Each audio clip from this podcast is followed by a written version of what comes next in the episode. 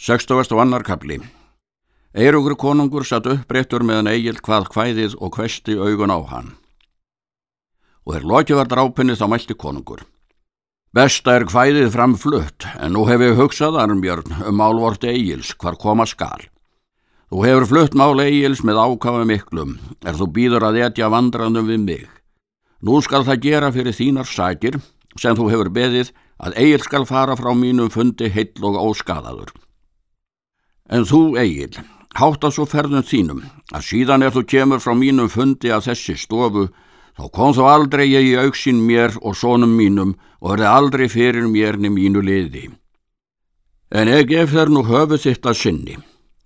Fyrir þá sökur þú gegst á mitt vald þá vil ég eigi gera nýðinsverk á þér, en vita skaltu það til sans, að þetta er engi sætt við mig nýja svonum mína og enga frændur voru þá sem réttar vilja reka. Þá hvað eigil?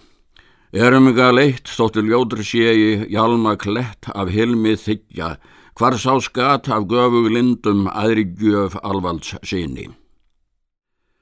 Arnbjörn þakkaði konungi með fjórum orðum þá sæmt og vináttu er konungur hefur veitt honum.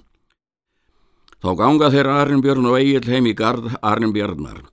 Síðan lit Arnbjörn búa reyðskjóta liði sínum. Reyðan brott með agli og hundrað manna alvapnara með honum.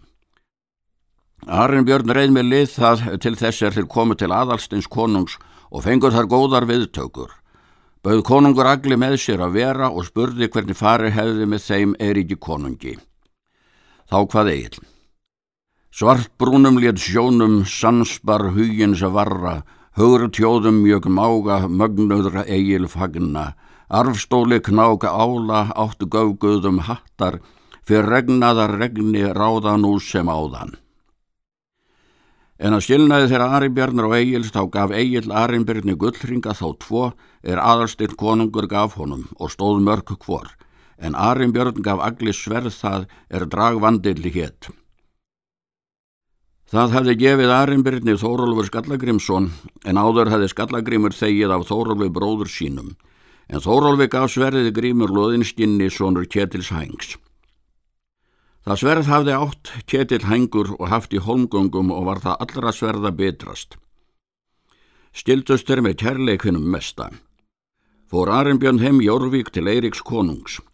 En förunautar Egils og stefverar hans höfðu þar frið góðan og vörðu varningi sínum í trösti Arnbjörnar en er áleið veturinn fluttust þeir söður til Englands og fór á fund Egils.